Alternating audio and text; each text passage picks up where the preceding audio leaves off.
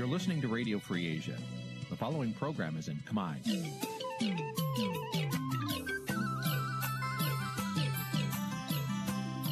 នេះជាកម្មវិធីផ្សាយ Vuthu Azizi Serai នេះជាកម្មវិធីផ្សាយរបស់ Vuthu Azizi Serai ជាភាសាខ្មែរ Vuthu Azizi Serai សូមស្វាគមន៍លោកអ្នកនាងទាំងអស់ពីរដ្ឋធានី Washington នៃសហរដ្ឋអាមេរិក Washington នាងខ្ញុំសុកជីវីសូមជម្រាបសួរលោកអ្នកនាងកញ្ញាដែលកំពុងតាមដានការផ្សាយរបស់ Vuthu Azizi Serai ទាំងអស់ជាទីមេត្រីចា៎យើងខ្ញុំសូមជូនកម្មវិធីផ្សាយសម្រាប់យប់ថ្ងៃច័ន្ទ5រោចខែអាសត់ឆ្នាំឆ្លូវត្រីស័កពុទ្ធសករាជ2565ចាប់ត្រូវនៅថ្ងៃទី25ខែតុលាគ្រិស្តសករាជ2021ចាជាដំបូងនេះសូមអញ្ជើញលោកអ្នកនាងស្ដាប់ព័ត៌មានប្រចាំថ្ងៃដែលមានមេត្តាដូចតទៅ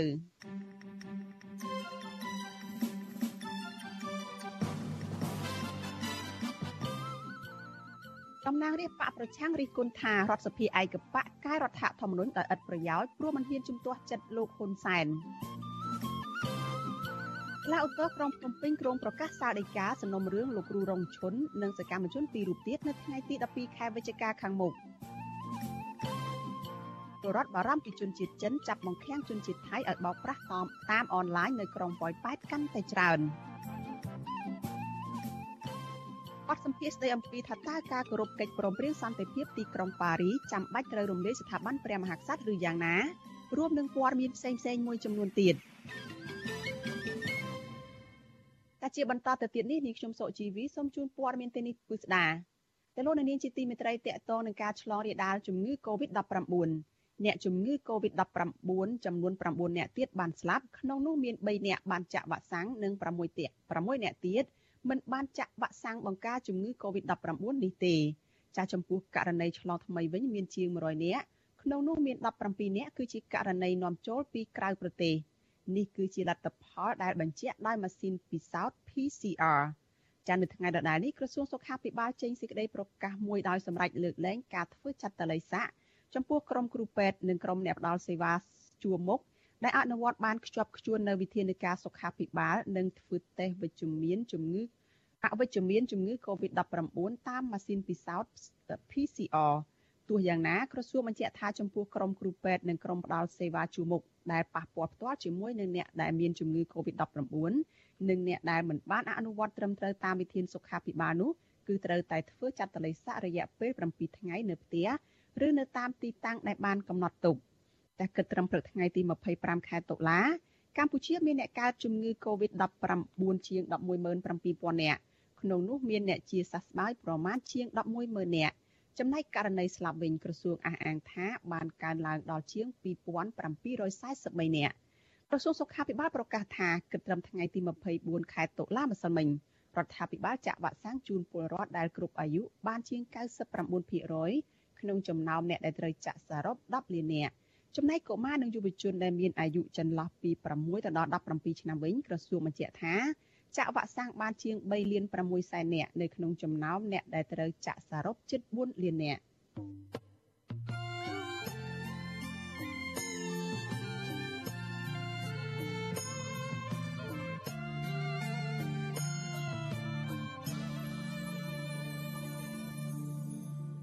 ចលនានាងកញ្ញាជាទីមេត្រីសេចក្តីរាយការណ៍តកតនឹងការធ្វើពិសោធនកម្មរដ្ឋធម្មនុញ្ញឯនេះវិញចាតំណាងរាជគណៈបកប្រឆាំងរិះគន់ថារដ្ឋសភាឯកបកកែរដ្ឋធម្មនុញ្ញដោយឥតប្រយោជន៍ព្រោះតែមិនហ៊ានជំទាស់ចិត្តលោកហ៊ុនសែនឯអ្នកវិភាគបារម្ភថាការកែច្បាប់នៅក្នុងរូបភាពសងសឹកគ្នាបែបនេះ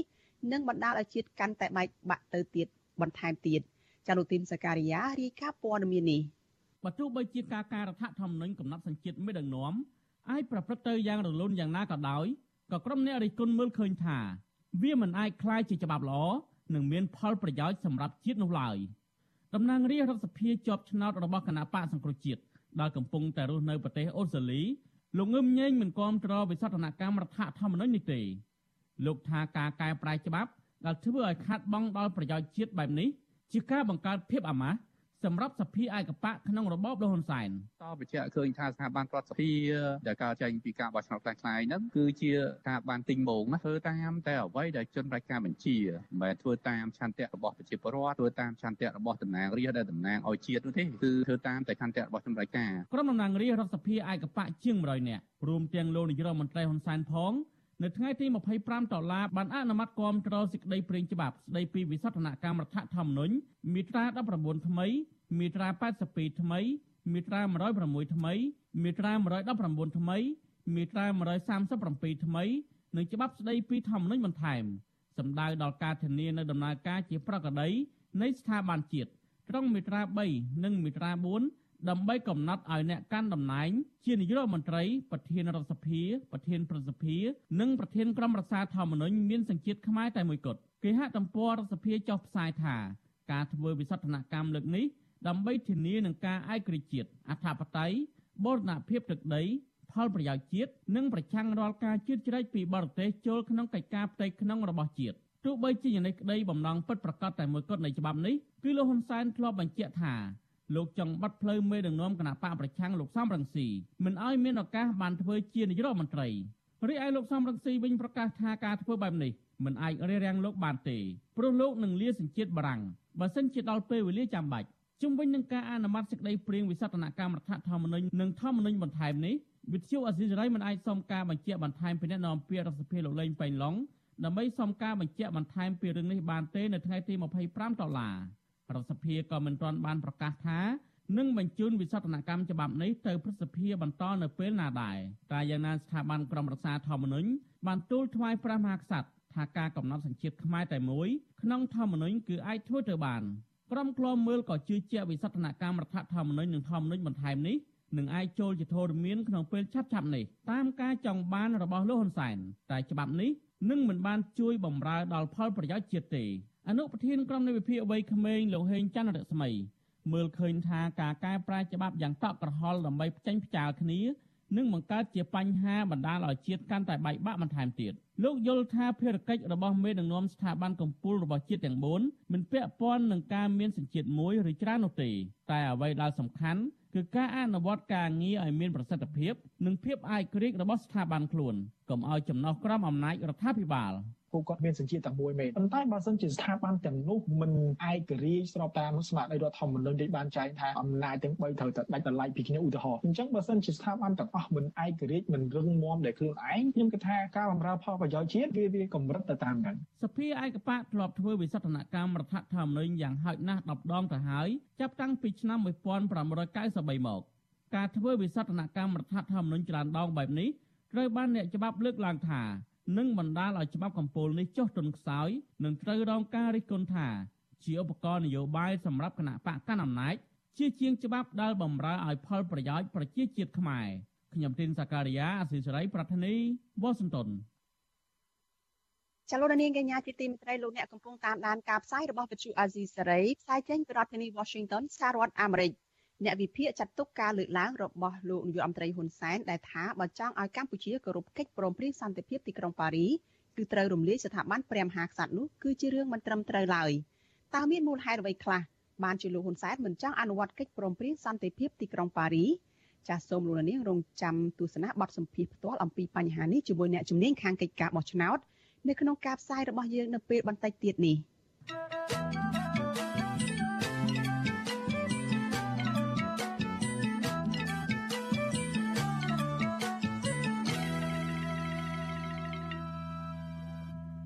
លោកនាងកញ្ញាប្រិមិត្តជាទីមេត្រីចាតតងទៅនឹងសំណុំរឿងក្តីក្តាំនៅតុលាការរបស់ប្រធានសហជីពលោករងឈុនឯនេះវិញ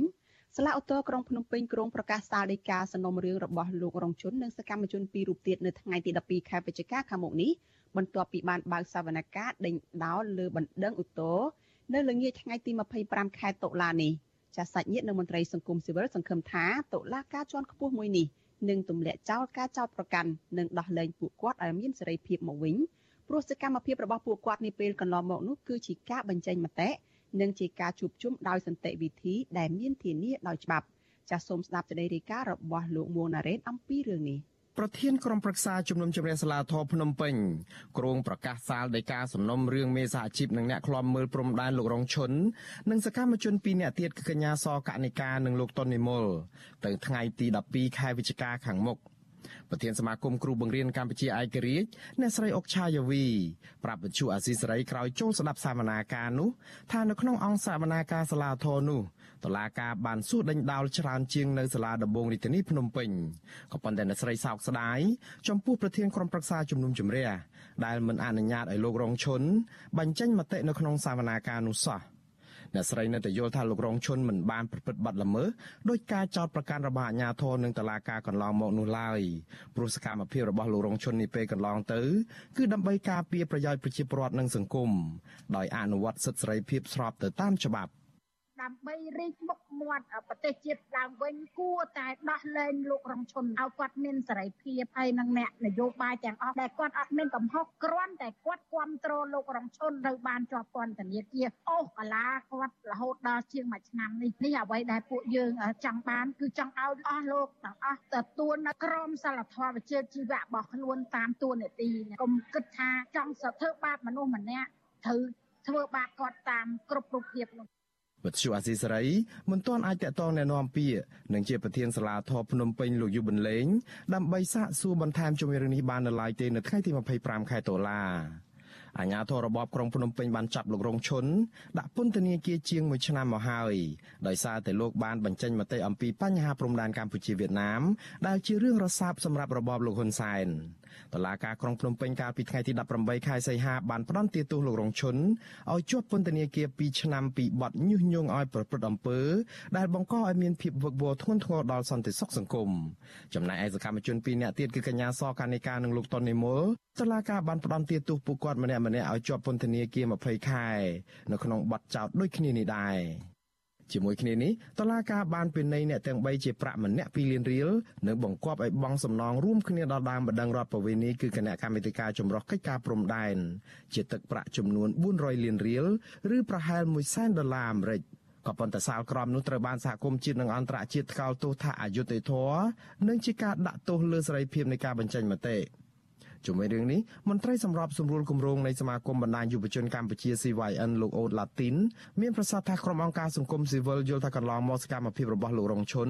និងសកម្មជនពីរនាក់ទៀតនោះមិនមែនជាបទល្មើសនោះទេតែផ្ទុយទៅវិញពួកគាត់អនុវត្តសិទ្ធិបញ្ចេញមតិការប្រមូលផ្ដុំដោយសន្តិវិធីដែលជាសិទ្ធិធានាដោយច្បាប់ លោកចាត់ទុករឿងនេះថាជាការគំរាមកំហែងធ្ងន់ធ្ងរដែលធ្វើឲ្យប៉ះពាល់ដល់សិទ្ធិបញ្ចេញមតិក្នុងការការពារផលប្រយោជន៍របស់សង្គមនិងប្រជាពលរដ្ឋលោកទទូចឲ្យតឡាការពិចារណាជំរឿងនេះដើម្បីផ្ដល់ភាពយុត្តិធម៌ដល់សកម្មជនសិទ្ធិមនុស្សទាំង3នាក់នេះ។ ក្រុមអង្គការសង្គមស៊ីវិលនិងសកម្មជនយើងធ្វើការស្នើសុំឲ្យមានការដោះលែងអ្នកការពារសិទ្ធិមនុស្សប្រធានសហជីពដូចជាលោករងឈុនឬក៏អ្នកផ្សេងផ្សេងទៀតដោយសារតែពួកយើងមើលទៅឃើញថាវាគឺជាការរំលោភសិទ្ធិនៅក្នុងការចូលរួមបញ្ចេញមតិរបស់ប្រជាពលរដ្ឋនៅក្នុងសង្គមប្រជាធិបតេយ្យអញ្ចឹងបានយើងរៀបចំធ្វើជាយុទ្ធនាការនេះទាមទារឲ្យរដ្ឋាភិបាលដោះលែងប្រកួតឲ្យមានសេរីភាពឡើងវិញកុំឲ្យគាត់ចេះតែប្រព្រឹត្តអំពើអយុត្តិធម៌នៅក្នុងសង្គមបន្តទៀតណាបាទ ក្រុមអង្គការសង្គមស៊ីវិលនៅថ្ងៃដដែលនេះក៏បន្តធ្វើយុទ្ធនាការនៅក្នុងសប្តាហ៍ទី11បន្តទាមទារឲ្យតុលាការដោះលែងលោករងឈុនដែលតែងតែបញ្ចេញមតិដើម្បីសិទ្ធិសេរីភាពសិទ្ធិកម្មករនិងលើកកម្ពស់សិទ្ធិមនុស្សផងនោះ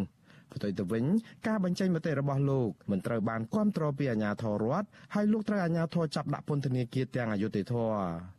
ពាក់ព័ន្ធនឹងយុទ្ធនាការសប្តាហ៍ទី11នេះក្រុមអង្គការសង្គមស៊ីវិលបានបង្ហោះរូបភាពដោយពីសប្តាហ៍មុនដែរដោយបញ្ចូលរូបភាពបែបកំ pl ែងចំអកថាលោករងឈុនបញ្ចេញមតិត្រូវប្រឈមដៃជាប់ខ្នោះទាំងសងខាងក្រុមអង្គការសង្គមស៊ីវិលនៅតែអំពាវនាវឲ្យប្រជាពលរដ្ឋគ្រប់គ្រងនិងលើកទឹកចិត្តដល់សកម្មភាពទាំងអស់ដែលធ្វើឡើងដើម្បីប្រយោជន៍សង្គមនិងប្រជាពលរដ្ឋនិងស្នើសុំឲ្យមានការចែករំលែកបន្តខ្ញុំបាទមុងណារ៉េត With you Azizray ប្រធានាទី Washington លោកនាងកញ្ញាប្រិយមិត្តជាទីមេត្រីចានៅក្នុងរឿងនេះដែរយើងបានភ្ជាប់ប្រព័ន្ធវីដេអូ Skype ទៅប្រធានសមាគមគ្រូបង្រៀនកម្ពុជាឯករាជ្យចាគឺលោកស្រីអុកឆាយាវីចាដើម្បីឲ្យលោកស្រីបានមកជជែកបន្ថែមតាក់ទងទៅនឹងស្ថានភាពសវនកម្មនៅឯសាលាឧទ្ធរនៅថ្ងៃនេះហើយមួយវិញទៀតនោះក៏យើងចង់ដឹងដែរថាតើស្ថានភាពរបស់ប្រធានសហជីពលោករងជុននោះស្ថិតនៅក្នុងស្ថានភាពយ៉ាងណាខ្លះនៅក្នុងសវនកម្មនៅថ្ងៃនេះចាឥឡូវនេះយើងបានភ្ជាប់ទៅអ្នកគ្រូអុកឆាយាវីហើយចាជំរាបជំរាបសួរអ្នកគ្រូពីចម្ងាយចា ចាចាជំរាបសួរចាអ្នកគ្រូតើអឺតវនកម្មនៅថ្ងៃនេះនៅសាឡាអូតូនោះស្ថិតនៅក្នុងស្ថានភាពយ៉ាងណាខ្លះទៅតើភាគីដែលជាជនជាប់ចោតនឹងគឺមានលោករងឈុនហើយនិងសកម្មជនពីររូបនឹងទៀតអាចមានឱកាសឡើងតតាំងក្តីអីយ៉ាងម៉េចខ្លះទេនៅក្នុងសវនកម្មនៅសាឡាអូតូនឹងចា៎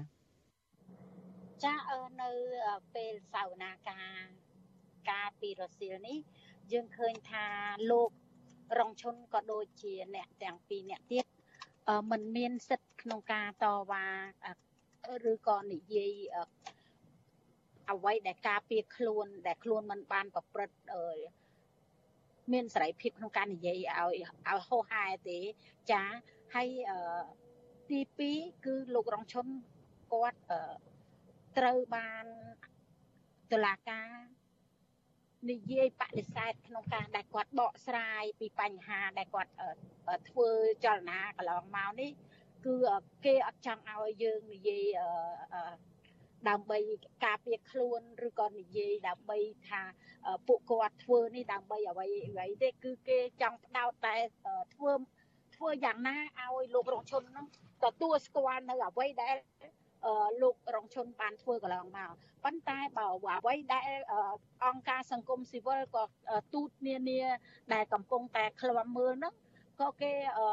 កំពុងតែយកចិត្តទុកដាក់ចំពោះលោករងឈុនដែរបើសិនជាលោករងឈុនជាមនុស្សដែលគេដោយការចោទប្រកាន់របស់គេមែនខ្ញុំជឿជាក់ថាអង្គទូតនានាគាត់មិនបានទៅឃ្លាំមើលលោករងឈុនដូចសពដងទេចា នេះដោយសារតែលោករងឈុនធ្វើការទាំងអស់នេះគឺដើម្បីសិទ្ធិមនុស្សនៅកម្ពុជាក៏ក៏ដើម្បីបូរណភាពទឹកដីកម្ពុជាដែរចា៎ចា៎អ្នកគ្រូនេះគឺជាសវនាការដេញដោលលើអង្គសេចក្តីជាការបដិងសាទុកហេតុអ្វីបានជាខាងតុលាការនឹងមិនផ្ដល់ឱកាសឲ្យពេញលេញសម្រាប់ឲ្យលោករងជននឹងតតាំងក្តីនៅក្នុងរឿងនេះឬមួយក៏មានមេធាវីតតាំងជំនួសលោកឬក៏យ៉ាងម៉េចចាស់ករណីនឹង ក្នុងករណីហ្នឹងយើងមានមេធាវីសម្រាប់តតាំងហើយប៉ុន្តែលោករងឈុនគាត់ចង់ឲ្យចង់បន្ថែមនៅអ្វីដែលជាកត្តាដែលខ្វះខាតមួយចំនួនដែលទាំងមេធាវីទាំងតឡាការគាត់មិនបានលើកឲ្យចំនឹងចំណុចដែលចង់បានរបស់លោក ព្រោះអីលោកចង់និយាយថាអ្វីដែលលោកធ្វើហ្នឹងគឺលោកមានអំណះអំណាងដែរអញ្ចឹងណាហើយដល់ហើយតុលាការត្រូវបានបដិសេធមិនឲ្យលោកមានប្រសាសន៍តទៅទៀតហើយក៏ដោយសារតែថ្ងៃនេះដេញដោលគ្នាជាច្រើនអញ្ចឹងពេលវេលាក៏កាន់ទៅវែងទៅណាអញ្ចឹងលោករងឈុនក៏ត្រូវបាន តុលាការប្រធានតុលាការគាត់បានបញ្ឈប់ក្នុងការតវ៉ាក្នុងការនិយាយតទៅទៀតចា៎ចាអឺចុះចំពោះស្ថានភាព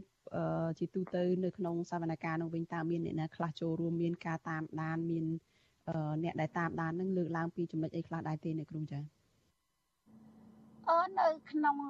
សវនាការថ្ងៃនេះមានអង្គការសង្គមស៊ីវិលហើយនិងអង្គទូតនានាដែលជាច្រើន ដែលបានចូលទៅឃ្លាំស្ដាប់ហើយជាពិសេសទៀតយើងឃើញហើយថា ការសួរដេញដោលរវាងមេធាវីខាងលោករងឈុនក៏ដូចជាខាងមេធាវីរបស់ខាងព្រំដែនយើងឃើញថាការដាក់បន្ទុករបស់មេធាវីខាងព្រំដែនហ្នឹង ហាក់បីដូចជាសង្កត់ថាការដែលលោករងឈុនធ្វើនេះគឺឲ្យប៉ះពាល់ដល់សង្គមជាតិអឺបើសិនជារដ្ឋាភិបាលក្តីអឺខាងព្រំដែនក្តីដើម្បីចង់ឲ្យលើកកម្ពស់អឺកម្ពុជាកាន់ឲ្យឲ្យមានមុខមាត់នៅក្នុងពិភពលោកគួ រតែដោះលែងលោករងឈុននិងអ្នកនយោបាយទាំងអស់ទៅកុំឲ្យគេស្កោតទោសថាអស់ពួកអស់លោកធ្វើនេះគឺធ្វើកេងចំណេញនយោបាយកាន់អំណាចឬក៏លំអៀងទៅលើគណៈបកណាមួយបុគ្គលណាមួយអញ្ចឹងយើងដើម្បីសង្គមជាតិយើងគួរតែផ្ដល់សិទ្ធិសេរីភាពជូនពលរដ្ឋឲ្យគាត់ហ៊ាននិយាយមិនត្រូវបិទ បិទមាត់បិទសម្លេងពួកគាត់មិនឲ្យគាត់តវ៉ាមិនឲ្យគាត់និយាយថាអ្វីដែលដែលកំពុងធ្វើនឹងខុសយើងអត់ចង់ឃើញបែបនេះយើងអត់ចង់ឃើញពីអ្វីដែលកំពុងតែគៀបសង្កត់ទាំងផ្លូវចិត្តផ្លូវកាយរបស់ពលរដ្ឋដោយសពថ្ងៃទេចាយើងចង់ឲ្យបើកសិទ្ធិសេរីភាពកុំឲ្យមានស្តង់ដារពីរចាខាង ខាងរដ្ឋាភិបាលធ្វើអីបានប៉ុន្តែខាងអ្នកផ្សេងទៀតប្រជាពលរដ្ឋក្រីក្រប្រជាពលរដ្ឋដទៃក៏អាចមានសិទ្ធិសម្ដែងមតិក៏មានសិទ្ធិក្នុងការនិយាយស្ដីក្នុងការអឺធ្វើការងារផ្សេងផ្សេងដែរអញ្ចឹងយើងអត់ចង់ឃើញមានអ្វីដែលមានស្តង់ដារពីរដូចសប្ថ្ងៃនេះទេចាចាអឺលោករងឈុនដែលជាប្រធានសហជីពកម្មករនិងជាសមាជិកក្រុមប្រឹក្សាឃ្លាំមើលកម្ពុជានឹងត្រូវអឺ កាត់ឲ្យជាប់ពន្ធនាគាររយៈពេល2ឆ្នាំចាប់ពីបទញុះញង់ឲ្យបង្កភាពវឹកវរធ្ងន់ធ្ងរដល់សន្តិសុខសង្គមហើយមកដល់ពេលនេះគឺលោកបានជាប់ពន្ធនាគារនោះរយៈពេលជាង1ឆ្នាំមកហើយហើយលោកក៏ត្រូវកាត់ឲ្យបង់ពីនៃទៅឯខាងគណៈកម្មការព្រំដែននឹងប្រហែលអឺ100,000ដុល្លារអាមេរិកនៅក្នុងចំណោមគ្នាគាត់ទាំង3រូបនឹងហើយអឺ មួយវិញទៀតហ្នឹងគឺលោករងឈុនហ្នឹងមានស្ថានភាពសុខភាពមិនសូវល្អទេពីព្រោះលោកបានវះកាត់ភ្នែកខាងស្ដាំរបស់លោកកាលពីពេលកន្លងទៅនេះតើស្ថានភាពរបស់លោករងឈុនយ៉ាងម៉េចដែរអ្នកគ្រូអុកឆាយាវីចានៅពេលដែលគាត់ចូលរួមសវនកម្មនៅពេលនេះស្ថានភាពជំងឺស្ថានភាពសុខភាពរបស់គាត់នឹងយ៉ាងណាខ្លះទៅចាចំពោះស្ថានភាពរូបកាយរបស់លោករង ឈុនយើងឃើញថាគាត់មានសភាពអឺស្លេកស្លាំងស្គមអឺហាក់បីដូចជាមិនអាចទទួលយកបានទេចំពោះអ្វីដែលខ្ញុំឃើញ ពេលដែលឃើញហើយចង់ស្រក់ទឹកភ្នែកដោយសារតែឃើញអឺរូបកាយរបស់គាត់ហាក់បីដូចជាមនុស្សអឺអត់មានអ្វីហូបគ្រប់គ្រាន់អញ្ចឹងអញ្ចឹង ការដែលគាត់កំពុងរស់នៅក្នុងពន្ធនាគារបើយើងបើបើខ្ញុំសួរពីបញ្ហាភ្នែករបស់គាត់គាត់ថាគាត់បានប្រសើរហើយចំពោះភ្នែកប៉ុន្តែអ្វីដែលខ្ញុំមើលឃើញទៀតគឺគាត់មានអាចកំបាំងមួយទៀតដែលខ្ញុំមិនអាចអឺជួបគាត់និយាយឲ្យបានច្រើនជាងនេះគឺជំងឺអឺផ្សេងផ្សេងទៀតដែលគាត់មានជំងឺផ្សេងផ្សេងជាច្រើនកាលពីគាត់មិនទាន់បានជាប់ពន្ធនាគារ អញ្ចឹងអ្វីដែលយើងឃើញយើងអាណិតគាត់ខ្លោចចិត្តមិនថាខ្ញុំដែលជាអឺអ្នករួមការងារជាមួយគាត់ទេដែលខោចិត្តអង្គទូតនានាគាត់ឃើញទឹកមុខគាត់សពតសពូននៅពេលដែលឃើញលោករងឈុនអ្នកណាក៏គេអាណោយអាធម្មចំពោះវត្តមានលោករងឈុននៅទីនោះដែរយើងឃើញថាមិនមែនសំបីតែអង្គទូទេបើយើងឃើញតាម អ្នកដែលធ្វើការនៅក្នុងតឡាការនឹងជាពិសេសបលិសក៏យើងមើលឃើញទឹកចិត្តឃើញអារម្មណ៍របស់គាត់ហាក់បីដូចជាមានអារម្មណ៍ថាអាណិតស្រឡាញ់លោករងឈុនដូចគ្នាប៉ុន្តែដើម្បីអឺធ្វើការងារមួយកន្លែងទៀតអញ្ចឹងត្រូវតែបត់តាមជាក់ស្ដែងដែលដែលកម្ពុជាយើងកំពុងតែជួបប្រទះ ប៉ុន្តែបេះដូងគាត់ខ្ញុំជឿខ្ញុំជឿព្រោះអីខ្ញុំជាគ្រូបង្រៀនខ្ញុំក៏មើលចិត្តមនុស្សដឹងដែរថាតើបេះដូងរបស់គាត់កំពុងតែដង្ហក់រកអីរកយុត្តិធម៌ដូចគ្នាអញ្ចឹងគួរតែរដ្ឋាភិបាលក្តីខាងព្រំដែនក្តីគួរតែឈប់ដាក់បន្ទុកទៅលើលោករងឈុនទៅហើយនឹងអ្នកដែលមិនមានតាក់ទងអ្វីជាមួយលោករងឈុននោះគ្រាន់តែរួមគ្នា ស្រែកឲ្យគាត់មានសេរីភាពត្រូវបានរងអយុត្តិធម៌ទៅជាប់ពន្ធនាគារជាច្រើនអ្នកទៀតដែលយើងមិនអាចរាប់ឈ្មោះបានអស់អញ្ចឹងគួរតែស្ដារមុខមាត់ប្រទេសជាតិឡើងវិញទៅចាធ្វើធ្វើទាំងអស់នេះដាក់គុកពួកគាត់ទាំងអស់នេះមិនមែនស្ដារប្រទេសជាតិឲ្យរីកចម្រើនទេ ចាធ្វើឲ្យបាត់មុខមាត់ប្រទេសជាតិបើសិនជាដោះលែងពួកគាត់ទៅ ក្រែងលោប្រទេសជាតិយើងបានអឺមានមុខមានមាត់ប្រកួតប្រជែងដើម្បីតស៊ូតទៅទៀតអឺសម្រាប់សកលលោកទាំងមូលមិនមែនតែប្រទេសជាតិទាំងមូលទេគឺសកលលោកយើងត្រូវការមុខមាត់ប្រទេសយើងចាស់យើងឃើញហើយថាប្រទេសយើងមិនអន់ទេប្រទេសយើងជាប្រទេសមួយ ដែលមានអរិយធម៌ដែលមានវប្បធម៌ល្អប្រពៃណាស់ចាដូច្នេះគួរតែ គួរតែស្ដារមុខមាត់ជាតិឡើងវិញទៅ ចានេះគ្រាន់តែជាការស្រែកដង្ហក់រកយុត្តិធម៌ជូនលោកគ្រូរងឈុនក៏ដូចជាជូនពលរដ្ឋដែលគាត់ជាប់ពន្ធនាគារដោយអយុត្តិធម៌ទាំងអស់ដែរចា៎ចាអ្នកគ្រូអុកឆាយវីអ្នកគ្រូបានលើកឡើងថាដូចជាបានប្រស្រ័យតាក់ទងគ្នាខ្លះជាមួយនឹងលោករងឈុនដែរតើគាត់មានលើកឡើងពីបញ្ហាអ្វីផ្សេងទៀតទេគាត់មានការផ្ដាំផ្ញើអីយ៉ាងម៉េច នៅពេលដែលអ្នកគ្រូបានជួបគាត់នឹងចា៎អឺចំពោះលោករងឈុនបេះដូងរបស់គាត់ គឺគាត់នៅតែចង់បានសេរីភាពចង់បានឲ្យប្រជាពលរដ្ឋមានការរស់រានអឺមានសេរីភាពទាំងនិយាយស្ដីទាំងអារម្មណ៍របស់គាត់ទាំងអស់គឺចង់បានឲ្យគាត់មានសេរីភាពឡើងវិញកុំឲ្យមានការរឹតបន្តឹងសេរីភាព ជាពិសេសទៀតគាត់ក៏បានផ្ដាំផ្ញើដល់ប្រជាពលរដ្ឋទាំងអស់ដែលជាអ្នកស្រឡាញ់លទ្ធិប្រជាស្ថាបតេយ្យក៏ដូចជាស្រឡាញ់គាត់សូមកុំឲ្យបាក់ទឹកចិត្តគ្រាន់តែវត្តមានគាត់នៅក្នុងពន្ធនាគាររយៈពេល1ឆ្នាំជាងនេះអញ្ចឹងពួកគាត់ថាថ្ងៃណាមួយនឹងមានយុត្តិធម៌សម្រាប់ពួកគាត់ហើយទោះបីជាឃុំឃុំតែបេះដូងគាត់ទេឃុំតែចិត្តរាងកាយគាត់ទេបេះដូងគាត់នៅជាមួយពលរដ្ឋទាំងអស់ចា នេះជាអ្វីដែលលោករងឈុនគាត់បានប្រាប់ដល់ពួកយើងទាំងអស់គ្នា ថាឲ្យយើងស៊ូឡើងឲ្យយើងតស៊ូកុំឲ្យយើងបាក់ទឹកចិត្តនៅការដែលឃើញវត្តមានគាត់ជាប់ខ្នោះបែបនេះចាចាអ្នកគ្រូអូឆាយវីពីដើមមុននេះបន្តិចនោះអ្នកគ្រូបានលើកឡើងពីស្ថានភាពនៅក្នុងសវនកម្មថាលោករងជននឹងពុំត្រូវបានផ្ដល់ឱកាសឲ្យពេញលេញនៅក្នុងការតតាំងក្តីនៅសាលាអូតូនេះទេ តើយ៉ាងម៉េចទៅស្ថានភាពបែបនេះអាចឲ្យមានក្តីរំពឹងថាម៉េចនៅក្នុងការប្រកាសសាលក្រមនៅថ្ងៃទី12ខែវិច្ឆិកាខាងមុខនឹងចំពោះករណីនេះចា៎ចំពោះការដែលប្រកាសសាលក្រមនៅថ្ងៃទី12ក្នុងនាមខ្ញុំជាពលរដ្ឋម្នាក់បើសិនជាតឡាការឯករាជ្យតឡាការមិនថិតក្រោមនិន្នាការនយោបាយណា ខ្ញុំគិតថាលោករងឈុននិងអ្នកទាំងអស់គ្នាដែលកំពុងតែជាប់ឃុំដោយអយុត្តិធម៌នេះច្បាស់ជាមានសេរីភាពវិញជាជាមិនខានចា៎ចាអរគុណច្រើនអ្នកគ្រូអុកឆាយវីចាប្រធានសមាគមគ្រូបង្រៀនកម្ពុជាឯករាជ្យចាដែលបានផ្ដល់ការសម្ភារឲ្យវិទ្យុអាស៊ីសេរីនៅយុគនេះចាជម្រាបលាអ្នកគ្រូត្រឹមប៉ុណ្ណេះចាសូមជូនពរអ្នកគ្រូសុខភាពល្អចាចាអរគុណជម្រាបលាចា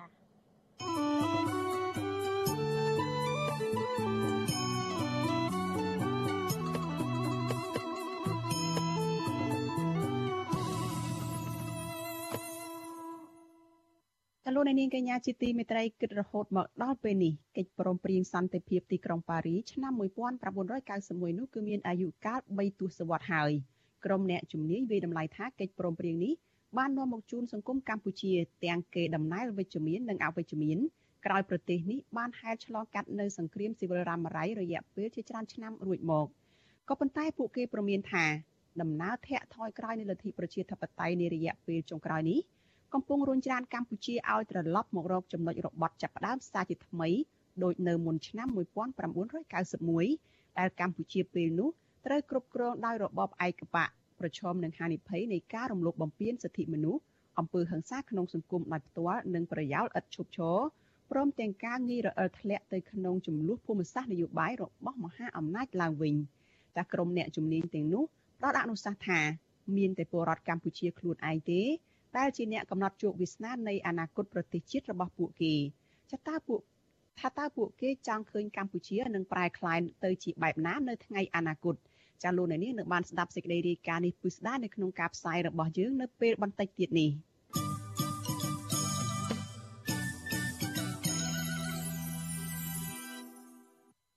ចាលោកនាងកញ្ញាប្រិមិត្តជាទីមេត្រីចាសេចក្តីរាយការណ៍តាក់ទងទៅនឹងស្ថានភាពទឹកជំនន់ឯនេះវិញ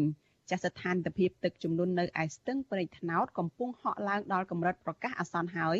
ហើយអាជ្ញាធរពាក់ព័ន្ធប្រកាសអំពាវនាវឲ្យប្រជាពលរដ្ឋដែលរស់នៅតាមបណ្ដោយស្ទឹងនេះត្រូវប្រុងប្រយ័ត្នខ្ពស់ចាអភិបាលខេត្តកំពង់ស្ពឺលោកវ័យសំណាងប្រាប់វិទ្យុអាស៊ីសេរីថាស្ថានភាពទឹកនៅស្ទឹងព្រែកថ្នោតហាក់នៅត្រឹងនឹងអាចគ្រប់គ្រងបាននៅថ្ងៃទី25ខែតុលានេះដោយសារតែมันមានភ្លៀងធ្លាក់ប៉ុន្តែលោកបារម្ភថា ប្រសិនបើមានភ្លៀងធ្លាក់ខ្លាំងនៅប្រមាណថ្ងៃជាប់គ្នាខាងមុខនេះនឹងធ្វើឲ្យកម្រិតទឹកស្ទឹងហក់ឡើងកាន់តែខ្ពស់ដែលបណ្ដាលឲ្យដែលអាចនឹងបណ្ដាលឲ្យជន់លិចផ្ទះសម្បែងនិងផលដំណាំ ជាពិសេសស្រូវរបស់ពលរដ្ឋជាច្រើនហិកតាលោកបន្តថាមកដល់ពេលនេះអាជ្ញាធរនៅមិនទាន់បូកសរុបពីលទ្ធផលប៉ះពាល់ជាផ្លូវការនោះនៅឡើយទេប៉ុន្តែកន្លែងខ្លះទឹកបានលិចស្រូវរបស់ពលរដ្ឋជាង150ហិកតា អភិបាលខេត្តកំពង់ស្ពឺរូបនេះអំពាវនាវឲ្យពលរដ្ឋរស់នៅតាមដងស្ទឹងព្រែកថ្នោតដូចជានៅខាងច្បារមននិងស្រុកសំរោងទងព្រមទាំងតំបន់ផ្នែកខាងក្រោមត្រូវប្រុងប្រយ័ត្ន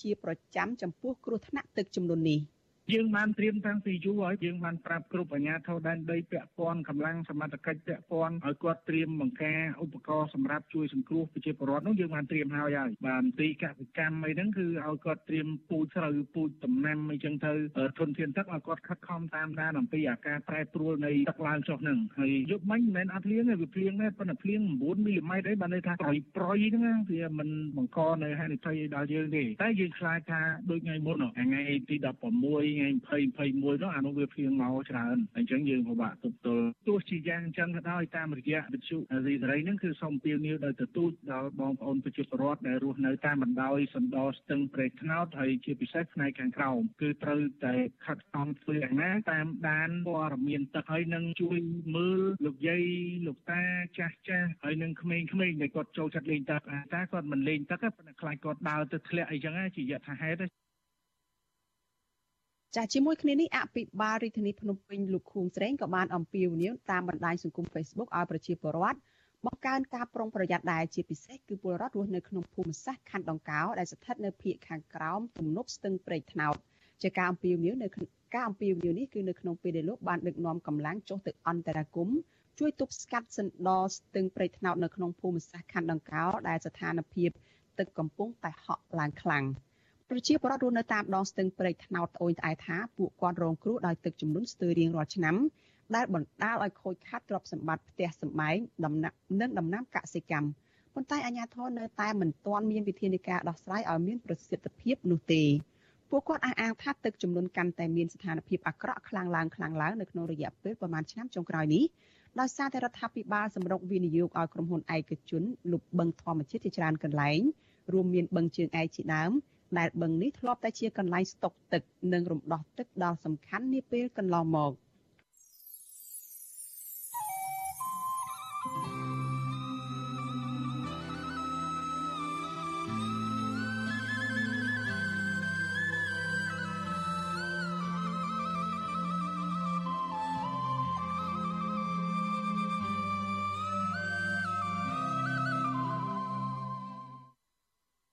ចលនានាងកញ្ញាជាទីមិត្តរីសេចក្តីរាយការណ៍ពីក្រុងប៉ោយប៉ែតឯណោះឲ្យដឹងថាប្រជាពលរដ្ឋនៅក្នុងខេត្តបន្ទាយមានជ័យចាស់ស្នើឲ្យអាជ្ញាធរពាក់ព័ន្ធចាត់វិធានការតឹងរឹងលើជនជាតិចិនដែលស្នាក់នៅនិងបង្កបទល្មើសនៅឯក្រុងប៉ោយប៉ែតចាការស្នើសុំនេះធ្វើឡើងក្រោយពេលដែលជនជាតិចិនបានចាប់បង្ខាំងជនជាតិថៃជាច្រើននាក់ដើម្បីបង្ខំឲ្យធ្វើការងារឆបោកតាមប្រព័ន្ធអនឡាញ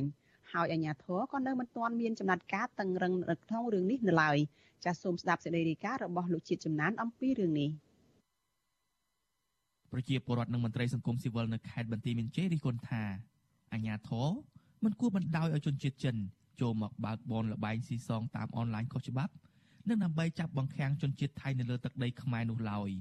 ប្រជាពលរដ្ឋរស់នៅក្នុងក្រុងប៉ោយប៉ែតលោកស្រីសសុជាតិប្រាប់វិទ្យុអេស៊ីសរ៉ៃនៅថ្ងៃទី25ខែតុលាថាជនជាតិចិនចាប់ផ្ដើមចូលមកស្នាក់នៅនៅក្នុងក្រុងប៉ោយប៉ែត កាន់តែច្រើនដើម្បីបើកបនលបែងតាមអនឡាញដោយខុសច្បាប់ស្ត្រីវ័យ49ឆ្នាំរូបនេះបន្តថាជនជាតិចិនភាគច្រើនជួលជនជាតិថៃឲ្យបង្កើត Facebook คล้ายៗដើម្បីអូសទាញពលរដ្ឋថៃដូចគ្នាឲ្យលេងល្បែងកាស៊ីណូតាមអនឡាញលោកស្រីបន្ថែមថាជនជាតិថៃមួយចំនួនត្រូវបានជនជាតិចិនចាប់បង្ខាំងនៅក្នុងបន្ទប់ជួលហើយពួកគេមិនអាចចេញទៅក្រៅបាននោះឡើយលោកស្រីព្រួយបារម្ភយ៉ាងខ្លាំងចំពោះសកម្មភាពរបស់ជនជាតិចិនទាំងនោះ និងស្នើឲ្យអាជ្ញាធរចាត់វិធានការលើរឿងនេះជាបន្ទាន់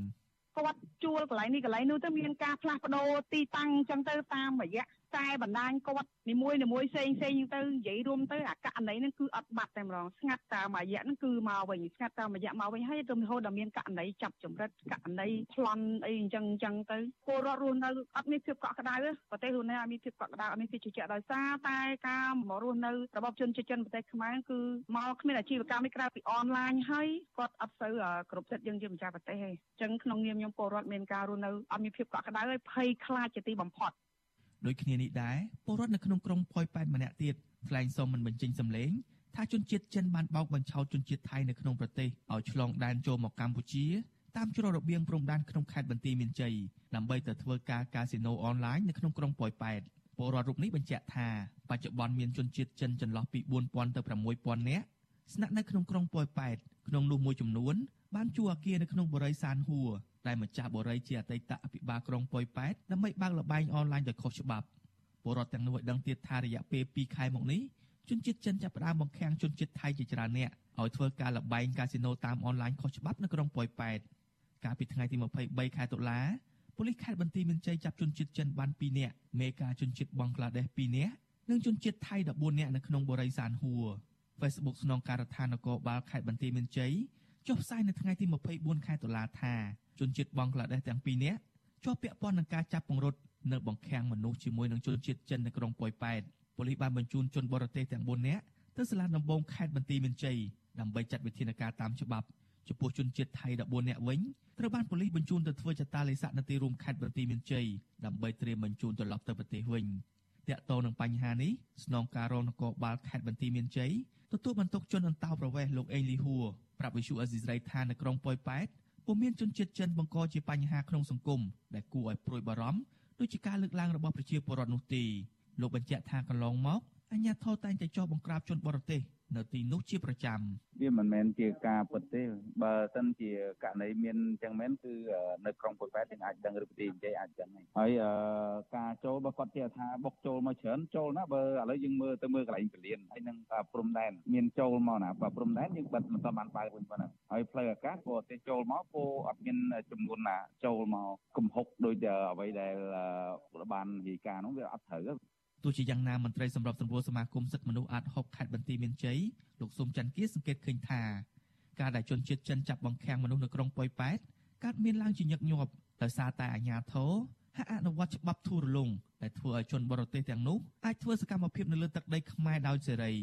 ជាក្រមអបគមជាក្រមភិរវកជាក្រមអីជាទោសទណ្ឌធ្ងន់ធ្ងរណាស់ ទៅលើជនបរទេសទាំងអស់ហ្នឹងព្រោះកម្ពុជាមិនមែនជាឈ្នន់ជាទឹកដីសម្រាប់ក្រុមបរទេសទាំងអស់ហ្នឹងយកមកប្រើប្រាស់ដើម្បីចាប់ចម្រិតជាឈ្នន់សម្រាប់ប្រទេសណាមួយឈោជើងដើម្បីវាយប្រហារទៅលើប្រទេសផ្សេងទេបាទអញ្ចឹងហើយខាងរដ្ឋាភិបាលត្រូវតែយកចិត្តទុកដាក់ឲ្យបានមមទុំទៅលើរឿងទាំងអស់នេះបើមិនអញ្ចឹងទេវាខូចវាបាក់មុខបាក់មាត់របស់រដ្ឋាភិបាលកម្ពុជាដែរបច្ចុប្បន្នមានជនជាតិថៃរាប់រយនាក់ហើយបានឆ្លងដែនមកធ្វើការងារកាស៊ីណូអនឡាញ ឲ្យជនជាតិចិននៅកម្ពុជា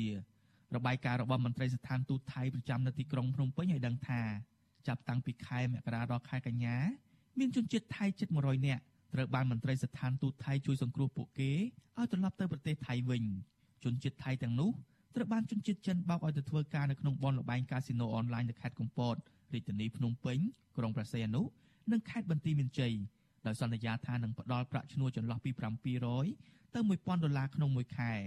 កាលពីថ្ងៃទី23ខែតុលាស្ថានទូតថៃប្រចាំនៅកម្ពុជាជួយសង្គ្រោះជនជាតិថៃចំនួន15នាក់ទៀតដែលត្រូវបានជនជាតិចិនចាប់បង្ខាំងឲ្យធ្វើការតាមអនឡាញនៅខេត្តព្រះសីហនុនេះបើតាមការផ្សាយរបស់សារព័ត៌មានថៃប្រជាពលរដ្ឋនៅក្រុងប៉ោយប៉ែតជឿជាក់ថាប្រសិនបើប៉ូលីសខ្មែរនៅតែគ្មានវិធានការតឹងរឹងទៅលើជនជាតិចិនដោយសពថ្ងៃនោះទេនៅក្នុងក្រុងប៉ោយប៉ែតអាចនឹងក្លាយជាកន្លែងជនជាតិចិនប្រព្រឹត្តបទអក្រិតដែលបង្កហានិភ័យដល់ម្ចាស់ប្រទេសជាមិនខាន។ ខ្ញុំបាទជាចំណាន Visual Assisray ពីរដ្ឋធានី Washington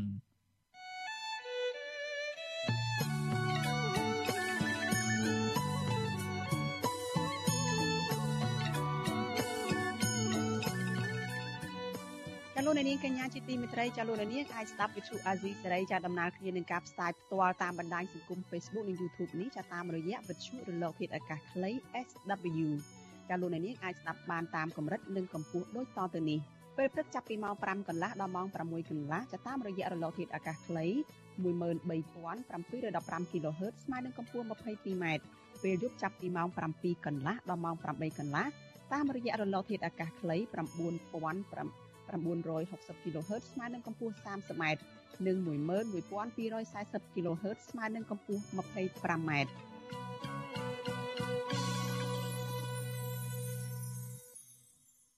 លោកនាងកញ្ញាប្រិមិត្តជាទីមេត្រីចាស់គិតរហូតមកដល់ពេលនេះកិច្ចព្រមព្រៀងសន្តិភាពទីក្រុងប៉ារីឆ្នាំ1991នោះមានអាយុកាល3ទសវត្សរ៍មកហើយក្រុមអ្នកជំនាញវិតម្លៃថាកិច្ចព្រមព្រៀងនេះបាននាំមកជូនកម្ពុជានៅកេរដំណែលទាំងវិជ្ជមាននិងអវិជ្ជមានក្រោយប្រទេសទាំងនេះបានហែកឆ្លងកាត់នៅសង្គ្រាមស៊ីវិលរ៉ាំរ៉ៃអស់រយៈពេលជាច្រើនឆ្នាំរួចមកក៏ប៉ុន្តែពួកគេក៏ប្រមានដែរថា ដំណើរធាក់ថយក្រោយនៃលទ្ធិប្រជាធិបតេយ្យនារយៈពេលចុងក្រោយនេះកំពុងរុញច្រានកម្ពុជាឲ្យត្រឡប់មករកចំណុចរបត់ចាប់ផ្ដើមសារជាថ្មីដូចនៅមុនឆ្នាំ1991ដែលពេលនោះកម្ពុជាត្រូវគ្រប់គ្រងដោយរបបឯកបកប្រឈមនឹងហានិភ័យនៃការរំលោភបំពានសិទ្ធិមនុស្សអំពើហិង្សានៅក្នុងសង្គមដោយផ្ទាល់និងប្រយោលដោយឥតឈប់ឈរព្រមទាំងងាយរអិលធ្លាក់ទៅក្នុងចំនួនភូមិសាស្ត្រនយោបាយរបស់មហាអំណាចឡើងវិញផងដែរចាក់ក្រុមអ្នកជំនាញទាំងនោះ ផ្ដល់អនុសាសន៍ថា មានតែពលរដ្ឋកម្ពុជាខ្លួនឯងទេដែលជាអ្នកកំណត់ជោគវាសនានៃប្រទេសជាតិរបស់ខ្លួន ដែលពួកគេចង់ឲ្យប្រទេសកម្ពុជានោះប្រែក្លាយទៅជាបែបណា ចាលោកមានរិទ្ធមានសេចក្តីរាយការណ៍ពិស្ដារអំពីរឿងនេះ30ឆ្នាំក្រោយកិច្ចព្រមព្រៀងសន្តិភាពក្រុងប៉ារីសចូលជាធរមានក្រុមអ្នកជំនាញនៅតែមើលឃើញពីសារៈសំខាន់មិនអាចខ្វះបាននឹងភាពជាប់ពាក់ព័ន្ធដែលកិច្ចព្រមព្រៀងនេះនៅតែមាននៅក្នុងដំណើរការកសាងសន្តិភាព លទ្ធិប្រជាធិបតេយ្យនិងការផ្សះផ្សាជាតិនៅក្នុងសង្គមកម្ពុជាដដែលពួកគេវាតម្លៃថាទន្ទឹមនឹងគេដំណើរវិជ្ជមាន ដែលកិច្ចព្រមព្រៀងនេះបានផ្ដល់ជូនដល់សង្គមកម្ពុជា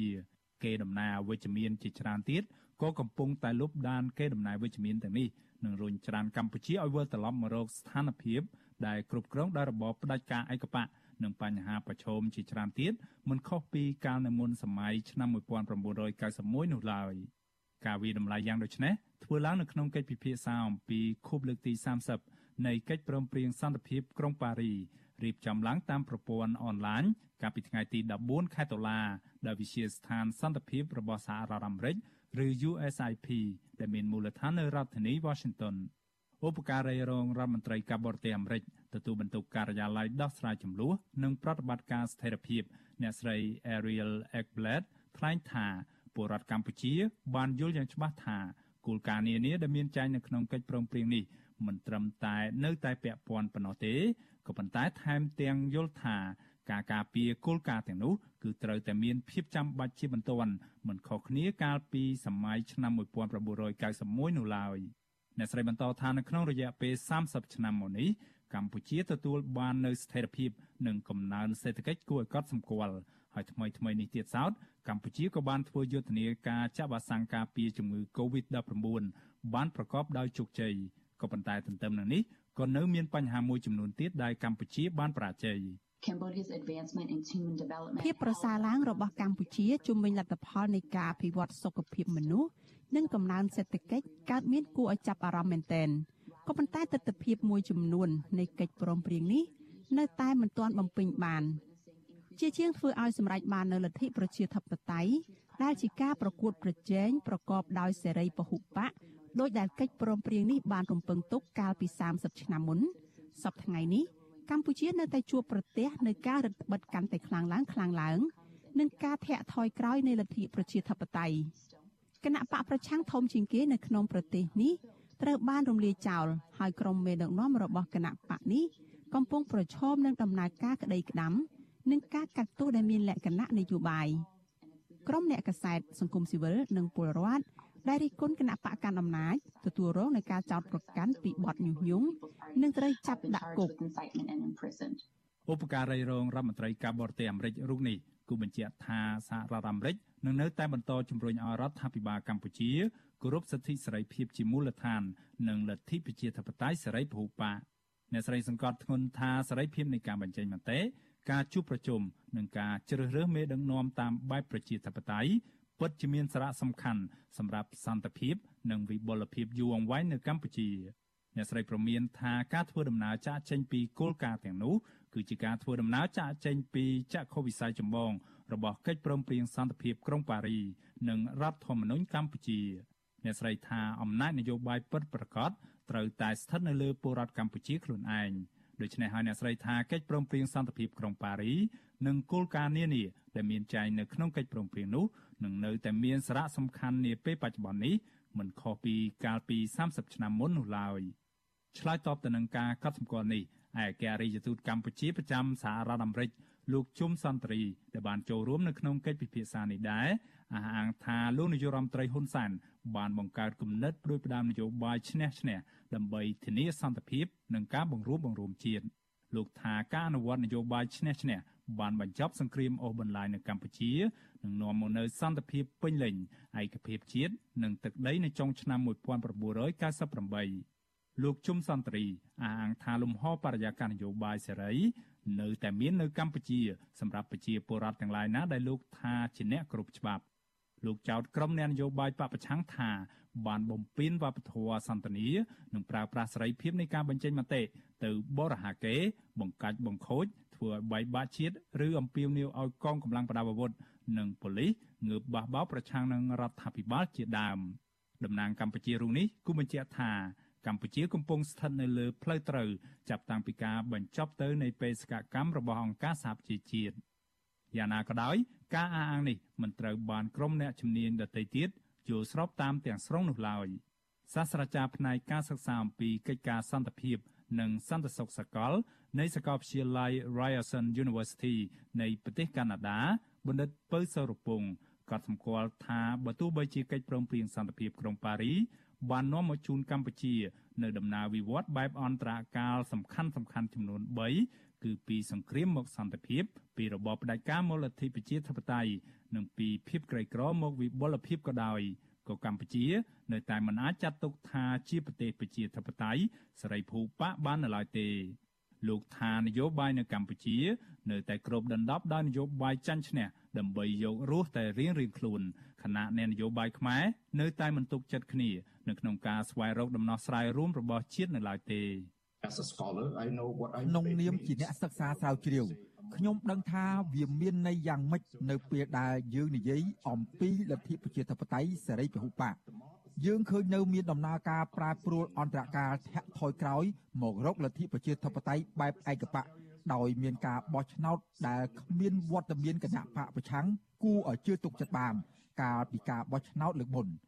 មានការវិវត្តផ្នែកសិទ្ធិមនុស្សនៅក្នុងវិស័យមួយចំនួន ក៏ប៉ុន្តែជារួមសិទ្ធិទាំងនោះមិនត្រូវបានគេការពារឲ្យបានពេញលេញនោះទេ ជាពិសេសពាក់ព័ន្ធនឹងសិទ្ធិនយោបាយនិងសិទ្ធិពលរដ្ឋការគោរពច្បាប់ឬក៏នីតិរដ្ឋទេសោតក៏នៅតែមានបញ្ហាខ្លាំងនៅឡើយ The rule of law is still highly problematic បណ្ឌិតពៅសុរពងពន្យល់ថាកិច្ចព្រមព្រៀងសន្តិភាពក្រុងប៉ារីបានត្រួសត្រាយផ្លូវឲ្យមាននៅមូលដ្ឋានគ្រឹះដ៏ល្អដែលធ្វើឲ្យភាគីខ្មែរមកពីក្រុមមជ្ឈដ្ឋាន អាចធ្វើការបានជាមួយគ្នាពលរដ្ឋអាចកសាងអនាគតមួយប្រសើរសម្រាប់ពួកគេ និងកូនចៅរបស់ពួកគេបានក៏ប៉ុន្តែលោកថាមិនមែនជាការងាយស្រួលឡើយនៅក្នុងការសម្រេចបាននូវវត្ថុបំណងនៃកិច្ចព្រមព្រៀងនេះដោយសារតែនយោបាយនៅកម្ពុជា កំពុងតែត្រូវធ្វើឲ្យស្មុគស្មាញដោយនយោបាយរបស់មហាអំណាចនៅក្នុងសកលលោកនិងនៅក្នុងតំបន់លោកថាកម្ពុជានឹងមានអនាគតល្អប្រសើរ បើអំណាចអាចត្រូវបានចែករំលែកសម្រាប់គ្រប់ភាគីពាក់ព័ន្ធស្រដៀងគ្នានេះសាស្ត្រាចារ្យមួយរូបទៀតគឺអ្នកស្រី Caroline Hages ដែលជាប្រិទ្ធបរិរងផ្នែកគោលនយោបាយនិងការអនុវត្តនៃសាកលវិទ្យាល័យ Notre Dame របស់សហរដ្ឋអាមេរិកក៏សម្គាល់ថាកិច្ចព្រមព្រៀងសន្តិភាពក្រុងប៉ារីបាននាំមកនូវការផ្លាស់ប្ដូរយ៉ាងខ្លាំងនៅក្នុងនយោបាយនិងសង្គមកម្ពុជាក៏ប៉ុន្តែអ្នកស្រីផ្ដល់អំណះអំណាងថាឱកាសសម្រាប់ការកសាងសន្តិភាព និងលទ្ធិប្រជាធិបតេយ្យពិតប្រាកដត្រូវបានធ្វើឲ្យទន់ខ្សោយដោយវិធីសាស្ត្រនៃការអភិវឌ្ឍប្រទេសដែលអ្នកស្រីថាជាវិធីសាស្ត្របែបជន់ឈ្លីពលរដ្ឋទន់ខ្សោយនិងបង្កប់ដោយអំពើហិង្សាគួរឲ្យកត់សម្គាល់នៅខាងក្រោយអ្នកស្រីថាសមិទ្ធផលដែលសម្រេចបានកាលពីពេលអតីតកាលដោយកិច្ចព្រមព្រៀងនេះមានភាពផុយស្រួយនៅឡើយកម្ពុជានៅមានរដ្ឋធម្មនុញ្ញសេរីពហុបកនិងដំណើរការបោះឆ្នោត ក៏ប៉ុន្តែជាក់ស្ដែងអ្នកស្រីថារដ្ឋធម្មនុញ្ញត្រូវបានអ្នកនយោបាយខ្មែរយកទៅបកស្រាយនៅក្នុងន័យប្រឆាំងទៅនឹងការគោរពសិទ្ធិមនុស្សនិងគោលការណ៍ប្រជាធិបតេយ្យទៅវិញទន្ទឹមនឹងនេះអ្នកស្រីថាបើទោះបីជាការបោះឆ្នោតនៅតែត្រូវបានធ្វើឡើងក៏ប៉ុន្តែការបោះឆ្នោតទាំងនោះធ្វើឡើងតាមរបៀបដើម្បីធានាពីជ័យជំនះរបស់គណៈបកប្រជាជនកម្ពុជាយកមកធ្វើជាឧបករណ៍ផ្ដល់ភាពស្របច្បាប់ ជាជាងធានាឲ្យមានការទទួលខុសត្រូវនិងការបែងចែកអំណាចពិតប្រាកដដែលឡែកនាយិកានៃមជ្ឈមណ្ឌលសិទ្ធិមនុស្សកម្ពុជា អ្នកស្រីចော့សុភាពដែលត្រូវបានអញ្ជើញឲ្យចូលរួមធ្វើជាវាគ្មិនកិត្តិយសនៅក្នុងកិច្ចពិភាក្សានោះដែរបានគូបញ្ជាក់ថាលទ្ធិប្រជាធិបតេយ្យសេរីភូប៉ាមានតែនៅលើក្រដាសគណៈការអនុវត្តជាក់ស្ដែងអ្នកស្រីថាកម្ពុជា នៅតែមានបញ្ហាប្រឈមចម្បងចម្បងមួយចំនួន ដូចជាកង្វះស្ថាប័នជាតិឯករាជ្យ ប្រព័ន្ធត្រួតពិនិត្យស្ថាប័នរដ្ឋប្រកបដោយតុល្យភាព និងយោធាមិនឯករាជ្យជាដើមអ្នកស្រីថានៅមានកិច្ចការជាច្រើនទៀតដែលកម្ពុជាត្រូវធ្វើដើម្បីធានាឲ្យបាននូវបរិយាកាសប្រកបដោយអំណោយផលដល់ការបោះឆ្នោតដោយសេរីនិងយុត្តិធម៌អ្នកស្រីអំពាវនាវឲ្យក្រុមមេដឹកនាំនយោបាយនៅកម្ពុជាយកកិច្ចព្រមព្រៀងសន្តិភាពក្រុងប៉ារីធ្វើជាគំរូដែលខ្មែរគ្រប់ភាគី អាចធ្វើការបានជាមួយគ្នានិងអាចបញ្ចប់ចំនួនចំពោះទៅរកការផ្សះផ្សាជាតិឡើងវិញបាន30ឆ្នាំក្រោយកិច្ចព្រមព្រៀងសន្តិភាពក្រុងប៉ារីក្រុមអ្នកជំនាញឆ្លុះបញ្ចាំងថាកិច្ចព្រមព្រៀងនេះបាននាំមកនូវកេរដំណែលទាំងវិជ្ជមាននិងទាំងអវិជ្ជមានសម្រាប់សង្គមកម្ពុជាក៏ប៉ុន្តែគេដំណើរអវិជ្ជមានកំពុងតែរុញច្រានកម្ពុជាឲ្យវិលមករកស្ថានភាពនៃការគ្រប់គ្រងដោយរបបឯកបក និងបញ្ហាប្រឈមជាច្រើនមិនខុសពីនៅមុនឆ្នាំ1991នោះឡើយពួកគេចង់ឃើញសហគមន៍អន្តរជាតិនិងប្រទេសភាគីហត្ថលេខីនៃកិច្ចព្រមព្រៀងនេះនៅតែបន្តពិគ្រោះយោបល់ជាមួយកម្ពុជាធ្វើយ៉ាងណាជំរុញឲ្យអ្នកនយោបាយងាកមករកផ្លូវត្រូវនៃដំណើរការកសាងសន្តិភាពដោយដែលបានគូសវាសដោយកិច្ចព្រមព្រៀងនេះកាលពី30ឆ្នាំមុនដើម្បីបញ្ជៀសនៅហានិភ័យនានា ព្រមទាំងភាពងាយរអិលធ្លាក់ចូលទៅក្នុងចំនួនភូមិសាស្ត្រនយោបាយរបស់មហាអំណាចឡើងវិញ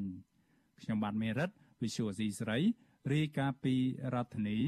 Washington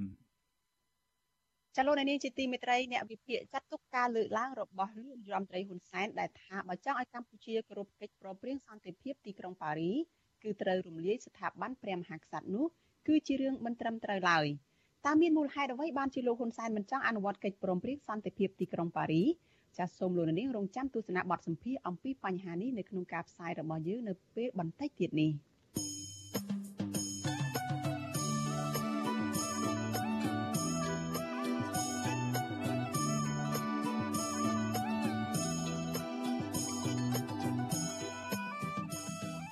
លោកនាងកញ្ញាជាទីមេត្រីចានៅក្នុងឱកាសនេះដែរចានាងខ្ញុំសូមថ្លែងអំណរគុណដល់លោកនាងដែលតែងតែមានភក្ដីភាពចំពោះការផ្សាយរបស់យើងហើយចាត់ទុកការស្ដាប់វិទ្យុអាស៊ីសេរីគឺជាផ្នែកមួយនៃសកម្មភាពប្រចាំថ្ងៃរបស់លោកអ្នកនាងតែការគ្រប់គ្រងរបស់លោកអ្នកនាងនេះហើយដែលធ្វើឲ្យយើងខ្ញុំកាន់តែមានទឹកចិត្តថែមទៀតនៅក្នុងការស្វែងរកព័ត៌មាននិងផ្តល់ព័ត៌មានជូនលោកអ្នកនាងចាំមានអ្នកស្ដាប់និងមានអ្នកទស្សនាកាន់តែច្រើនគឺកាន់តែធ្វើឲ្យយើងខ្ញុំមានភាពស្វាហាប់និងមោះមុត បន្តការងាររបស់ពួកយើងតទៅមុខទៀតចា៎នេះខ្ញុំសូមអរគុណទុកជាមុនហើយសូមអញ្ជើញលោកអ្នកនាងចាចូលរួមជំរុញសកម្មភាពការងាររបស់ពួកយើងនេះឲ្យកាន់តែមានភាពជោគជ័យបន្ថែមទៀតចាលោកអ្នកនាងអាចជួយយើងខ្ញុំបានដោយគ្រាន់តែចុចចែករំលែកការផ្សាយរបស់វិទ្យុអាស៊ីសេរីនៅតាមបណ្ដាញសង្គម Facebook និង YouTube ចាទៅកាន់មិត្តភ័ក្តិរបស់លោកអ្នកនាងចាដើម្បីឲ្យការផ្សាយរបស់យើងនេះបានទៅដល់មនុស្សកាន់តែច្រើន។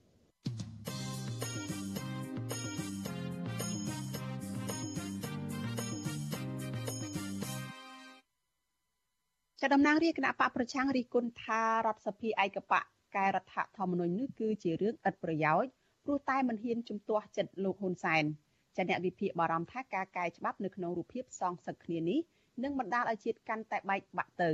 ចាលូទីនសការីយ៉ារាយការណ៍ព័ត៌មាននេះបើទោះបីជាការកែរដ្ឋធម្មនុញ្ញកំណត់សញ្ជាតិមេដឹកនាំអាចប្រព្រឹត្តទៅយ៉ាងរលូនយ៉ាងណាក៏ដោយក៏ក្រុមអ្នករិះគន់មើលឃើញថាវាមិនអាចคล้ายជាច្បាប់ល្អ និងមានផលប្រយោជន៍សម្រាប់ជាតិនោះឡើយតំណាងរាស្ត្ររដ្ឋសភាជាប់ឆ្នោតរបស់គណៈបកសង្គ្រោះជាតិដែលកំពុងតែរស់នៅប្រទេសអូស្ត្រាលីលោកងឹមញែងមិនគាំទ្រវិសោធនកម្មរដ្ឋធម្មនុញ្ញនេះទេលោកថាការកែប្រែច្បាប់ដែលធ្វើឲ្យខាត់បងដល់ប្រយោជន៍ជាតិបែបនេះជាការបង្កើតភាពអាម៉ាស់ សម្រាប់សភាឯកបៈក្នុងរបបលហ៊ុនសែនតបញ្ជាក់ឃើញថាស្ថាប័នរដ្ឋសភាដែលកើតចេញពីការបោះឆ្នោតខ្លាំងៗហ្នឹងគឺជាការបានទិញម៉ងណាធ្វើតាមតែអ្វីដែលជនរៃការបញ្ជាមិនមែនធ្វើតាមឆន្ទៈរបស់ប្រជាពលរដ្ឋធ្វើតាមឆន្ទៈរបស់តំណាងរាស្ត្រដែលតំណាងឲ្យជាតិនោះទេគឺធ្វើតាមតែឆន្ទៈរបស់ជនរៃការក្រុមតំណាងរាស្ត្ររដ្ឋសភាឯកបៈជាង100នាក់រួមទាំងលោកនាយរដ្ឋមន្ត្រីហ៊ុនសែនផង នៅថ្ងៃទី25ដុល្លារបានអនុម័តគាំទ្រសេចក្តីព្រេងច្បាប់ស្តីពីវិសោធនកម្មរដ្ឋធម្មនុញ្ញមាត្រា19ថ្មីមាត្រា82ថ្មីមាត្រា106ថ្មីមាត្រា119ថ្មីមាត្រា137ថ្មីនិងច្បាប់ស្តីពីធម្មនុញ្ញបន្ថែមសម្ដៅដល់ការធានានៅដំណើរការជាប្រក្រតីនៃស្ថាប័នជាតិត្រង់មាត្រា3និងមាត្រា4 ដើម្បីកំណត់ឲ្យអ្នកកាន់តំណែងជានាយករដ្ឋមន្ត្រីប្រធានរដ្ឋសភាប្រធានប្រសិទ្ធិនិងប្រធានក្រុមរក្សាធម្មនុញ្ញមានសញ្ជាតិខ្មែរតែមួយគត់គេហទំព័ររដ្ឋសភាចុះផ្សាយថាការធ្វើវិសោធនកម្មលើកនេះដើម្បីធានានឹងការឯករាជ្យជាតិអធិបតេយ្យបូរណភាពទឹកដីផលប្រយោជន៍ជាតិនិងប្រឆាំងរាល់ការជឿជ្រែកពីបរទេសចូលក្នុងកិច្ចការផ្ទៃក្នុងរបស់ជាតិទោះបីជាយ៉ាងនេះក្តីបំណងពិតប្រកបតែមួយគត់នៃច្បាប់នេះគឺលោកហ៊ុនសែនធ្លាប់បញ្ជាក់ថា លោកចង់បាត់ផ្លូវមេដឹកនាំគណៈបកប្រឆាំងលោកសំរងស៊ីមិនឲ្យមានឱកាសបានធ្វើជានាយករដ្ឋមន្ត្រីរីឯលោកសំរងស៊ីវិញប្រកាសថាការធ្វើបែបនេះមិនអាចរារាំងលោកបានទេព្រោះលោកនឹងលាសញ្ជាតិបារាំងបើសិនជាដល់ពេលវេលាចាំបាច់ជុំវិញនឹងការអនុម័តសេចក្តីព្រៀងវិសោធនកម្មរដ្ឋធម្មនុញ្ញនិងធម្មនុញ្ញបន្ថែមនេះវិទ្យុអសិរ័យមិនអាចសុំការបញ្ជាក់បន្ថែមពីអ្នកនាំពាក្យរដ្ឋសភាលោកលេងប៉ៃឡុងដើម្បីសុំការបញ្ជាក់បន្ថែមពីរឿងនេះបានទេនៅថ្ងៃទី25ដុល្លារ រដ្ឋសភាក៏មិនទាន់បានប្រកាសថានឹងបញ្ជូនវិសោធនកម្មច្បាប់នេះទៅព្រឹទ្ធសភាបន្តនៅពេលណាដែរតែយ៉ាងណាស្ថាប័នក្រមរក្សាធម្មនុញ្ញបានទូលថ្វាយព្រះមហាក្សត្រថាការកំណត់សញ្ជាតិខ្មែរតែមួយក្នុងធម្មនុញ្ញគឺអាចធ្វើទៅបានក្រុមឃ្លាំមើលក៏ជឿជាក់វិសោធនកម្មរដ្ឋធម្មនុញ្ញនិងធម្មនុញ្ញបន្ថែមនេះនឹងអាចចូលជាធរមានក្នុងពេលឆាប់ៗនេះតាមការចង់បានរបស់លោកហ៊ុនសែនតែច្បាប់នេះនឹងមិនបានជួយបំរើដល់ផលប្រយោជន៍ជាតិទេ អនុប្រធានក្រុមនៃវិភាគវ័យក្មេងលោកហេងច័ន្ទរស្មីមើលឃើញថាការកែប្រែច្បាប់យ៉ាងតក់ក្រហល់ដើម្បីផ្ចាញ់ផ្ចាលគ្នា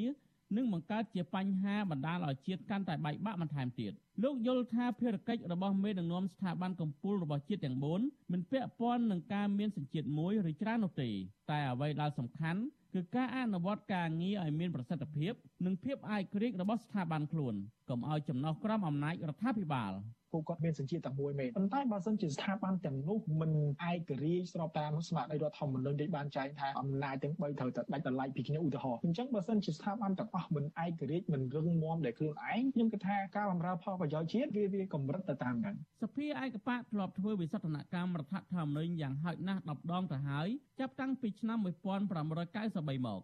ការធ្វើវិសោធនកម្មរដ្ឋធម្មនុញ្ញច្រើនដងបែបនេះត្រូវបានអ្នកច្បាប់លើកឡើងថា នឹងបណ្ដាលឲ្យច្បាប់កម្ពុជានេះចុះទន់ខ្សោយនិងត្រូវរងការរិះគន់ថា ជាឧបករណ៍នយោបាយសម្រាប់គណៈបកកណ្ដាលអំណាចជាជាងច្បាប់ដែលបំរើឲ្យផលប្រយោជន៍ប្រជាជាតិខ្មែរខ្ញុំទីនសាការីយ៉ាអសិលសេរីប្រធានីវ៉ាស៊ីនតោន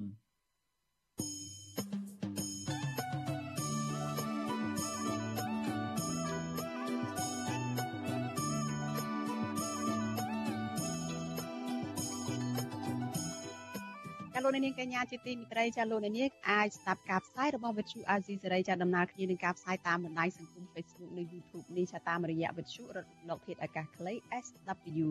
ចាតាមកម្រិតនិងកម្ពស់ដូចតទៅនេះចាប់ពេលព្រឹកចាប់ពីម៉ោង5កន្លះដល់ម៉ោង6កន្លះតាមរយៈវិទ្យុរលកធាតុអាកាសខ្លី13715 kHz ស្មើនឹងកម្ពស់ 22m និងពេលយប់ចាប់ពីម៉ោង7កន្លះដល់ម៉ោង8កន្លះ តាមរយៈរលកធាតុអាកាសខ្លី9960 kHz ស្មើនឹងកម្ពស់ 30m និង11240 kHz ស្មើនឹងកម្ពស់ 25m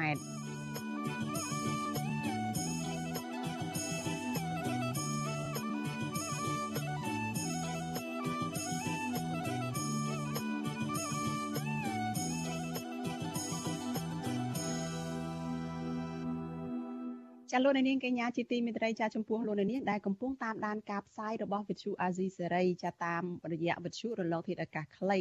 ចានេះខ្ញុំសូមជម្រាបលាលោកអ្នកត្រឹមតែប៉ុណ្ណេះតែចំពោះលោកនាងដែលកំពុងតាមដានការផ្សាយរបស់យើងចាតាមបណ្ដាញសង្គម Facebook និង YouTube ចាសូមបន្តតាមដានការផ្សាយរបស់យើងជាបន្តទៅទៀតចាកម្មវិធីបន្ទាប់នេះគឺមានលោកទីនសការីយ៉ាជាអ្នកសម្របសម្រួលចាលោកនឹងជជែកពិភាក្សាជាមួយនឹងអ្នកជំនាញកិច្ចការបោះឆ្នោត ចាតកតងទៅនឹងថាតើតាការការគោរពកិច្ចព្រមព្រៀងសន្តិភាពទីក្រុងប៉ារីចាំបាច់ត្រូវរំលាយស្ថាប័នព្រះមហាក្សត្រឬយ៉ាងណាចាកិច្ចពិភាក្សានេះគឺឆ្លើយតបទៅនឹងការលើកឡើងរបស់អ្នកវិភាគដែលលើកឡើងថាសម្ដីរបស់លោកហ៊ុនសែនដែលថាបើចង់ឲ្យកម្ពុជាគោរពកិច្ចព្រមព្រៀងសន្តិភាពទីក្រុងប៉ារីគឺត្រូវរំលាយស្ថាប័នព្រះមហាក្សត្រនោះថាជារឿងមិនត្រឹមត្រូវនោះឡើយ ចាតើមានមូលហេតុអ្វីខ្លះបានជាលោកហ៊ុនសែនមិនចង់អនុវត្តកិច្ចព្រមព្រៀងសន្តិភាពទីក្រុងប៉ារីចាសូមលោកអ្នកនាងតាមដានកិច្ចសម្ភាសនេះនៅពេលបន្តិចទៀតនេះចាលោកទីនសការីយ៉ានឹងជជែកជាមួយនឹងអ្នកជំនាញកិច្ចការបោះឆ្នោតដើម្បីឆ្លើយតបនឹងចម្ងល់របស់លោកអ្នកនាងតាក់ទងទៅនឹងរឿងនេះចាសសូមតាមដានការផ្សាយរបស់យើងជាបន្តទៅទៀតដូចតទៅចាសសូមអរគុណ